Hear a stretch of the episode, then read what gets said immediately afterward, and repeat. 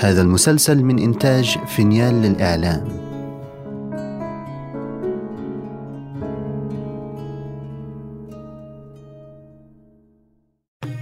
كان يا مكان في بعيد البلدان.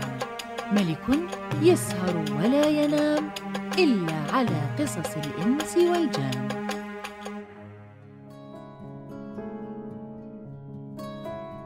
وبلغني أيضا أيها الملك السعيد أن رجلين كانا في مدينة الإسكندرية. وكان أحدهما صباغا واسمه أبو قير. وكان الثاني مزينا واسمه أبو صير. وكانا جارين لبعضهما في السوق. وكان دكان المزين في جانب دكان الصباغ. وكان الصباغ نصابا كذابا صاحب شر قوي كأنما صدغه منحوت من الجلمود لا يستحي من عيبة يفعلها بين الناس. وكان من عادته أنه إذا أعطاه أحدا قماشا لصبغه يطلب منه الكراء اولا ويوهمه أنه يشتري به اجزاء ليصبغ بها فيعطيه الكراء مقدما. فإذا أخذه منه يصرفه على أكل وشرب. ثم يبيع القماش الذي أخذه بعد ذهاب صاحبه ويصرف ثمنه في الأكل والشرب وغير ذلك ولا يأكل إلا طيبا من أفخر المأكول ولا يشرب إلا من أجود ما يذهب العقول فإذا أتاه صاحب القماش يقول له في غد تجيء لي من قبل طلوع الشمس فتلقى حاجتك مصبوغة. فيروح صاحب الحاجة ويقول في نفسه يوم من يوم قريب. ثم يأتيه في ثاني يوم على الميعاد. فيقول له أبو قير تعال في غد. فإني أمس ما كنت فاضيا لأنه كان عندي ضيوف فقمت بواجبهم حتى راحوا.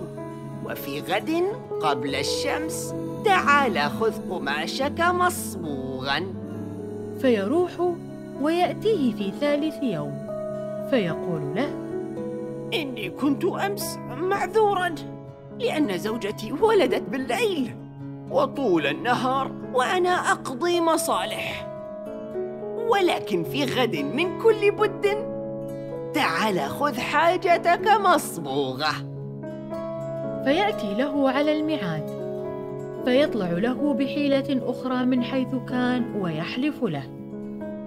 ولم يزل يعده ويخلف إذا جاءه حتى يقلق الزبون ويقول له كم تقول لي في غد؟ أعطني حاجتي فإني لا أريد صبغا. فيقول أبو قير والله يا أخي أنا مستح منك ولكن أخبرك بالصحيح. والله يؤذي كل من يؤذي الناس في أمتعتهم. أما حاجتك فإني صبغتها صبغا ليس له نظير. ونشرتها على الحبل فسرقت ولا أدري من سرقها. فإن كان صاحب الحاجة من أهل الخير يقول له يعوض الله عليه وإن كان من أهل الشر يستمر معه في هتيكة وجرسة ولا يحصل منه شيئا ولو اشتكاه إلى الحاكم. ولم يزل يفعل هذه الفعال حتى شاع ذكره بين الناس. وصار الناس يحذر بعضهم بعضا من أبي قير ويضربون به الأمثال وامتنعوا عنه جميعا. لا تتعامل. وصار لا يقع معه إلا الجاهل بحاله. ومع ذلك لا بد له كل يوم من جرسة وهتيكة مع خلق الله. فحصل له كساد بهذا السبب. فصار يأتي إلى دكان جاره المزين أبي صير ويقعد في داخله قبال المصبغة. فإن رأى احدا جاهلا بحاله واقفا على باب المصبغة ومعه شيء يريد صبغه يقوم من دكان المزين ويقول له ما لك يا هذا؟ فيقول له خذ اصبغ لي هذا الشيء. أي لون تطلبه؟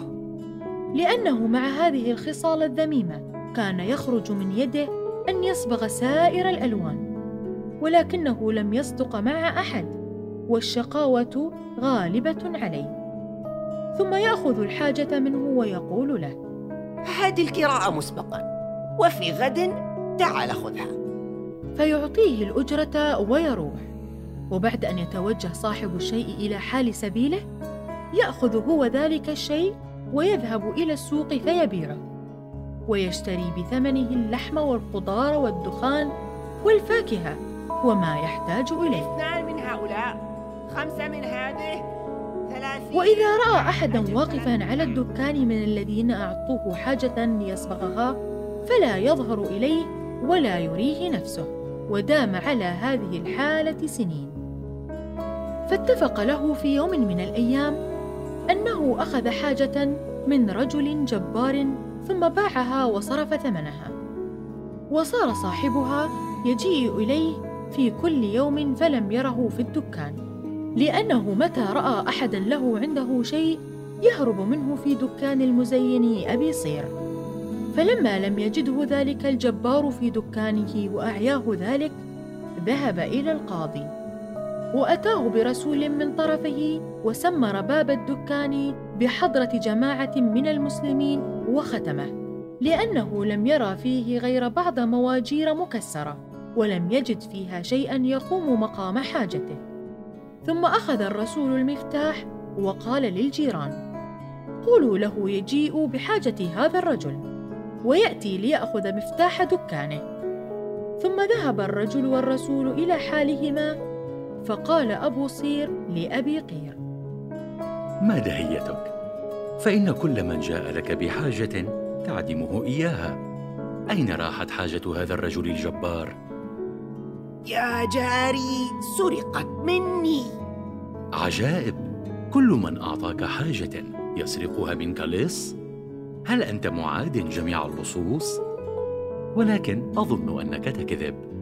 فأخبرني بقصتك يا جاري. ما أحد سرق مني شيء. وما تفعل في متاع الناس. كل ما أعطاني حاجة أبيعها وأصرف ثمنها. أيحل لك هذا من الله؟ إنما أفعل هذا من الفقر لأن صنعتي كاسدة وأنا فقير وليس عندي شيء. ثم صار يشرح له الكساد وقلة الكسب. وصار أبو صير يشرح له كساد صنعته أيضا ويقول أنا أسطى ليس لي نظير في هذه المدينة ولكن لا يحلق عندي أحد لكوني رجلا فقيرا وكرهت هذه الصنعه يا أخي وأنا أيضا كرهت صنعتي من الكساد. ولكن يا أخي ما الداعي لإقامتنا في هذه البلدة؟ فأنا وأنت نسافر منها. نتفرج في بلاد الناس وصنعتنا في أيدينا رائجة في جميع البلاد. فإذا سافرنا نشم الهواء ونرتاح من هذا الهم العظيم. وما زال أبو قير يحسن السفر لأبي صير حتى رغب في الارتحال ثم إنهما اتفقا على السفر. وفرح أبو قير بأن أبا صير رغب في أن يسافر. وأنشد قول الشاعر.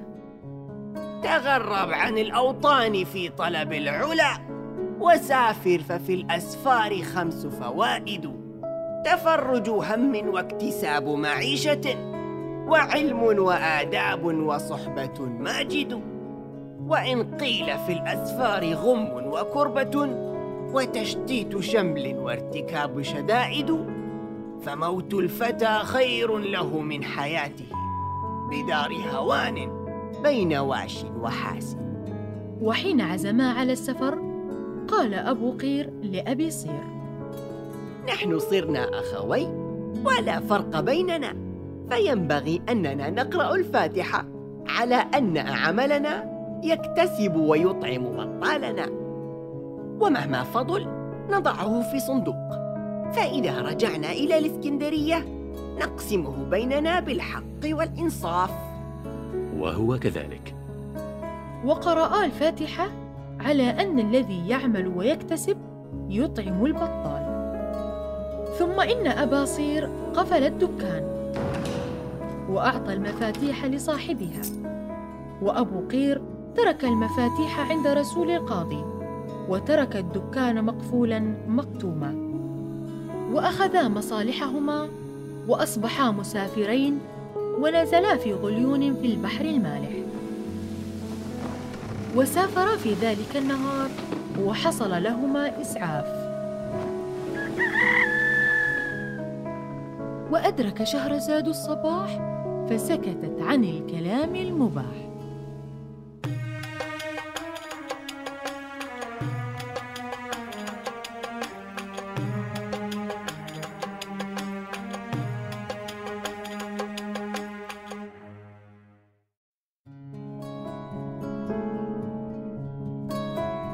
إذا استمتعتم بهذه الحلقة لا تنسوا الاشتراك لبث المسلسل ومتابعتنا على جميع منصات السوشيال ميديا. التفاصيل في وصف الحلقة.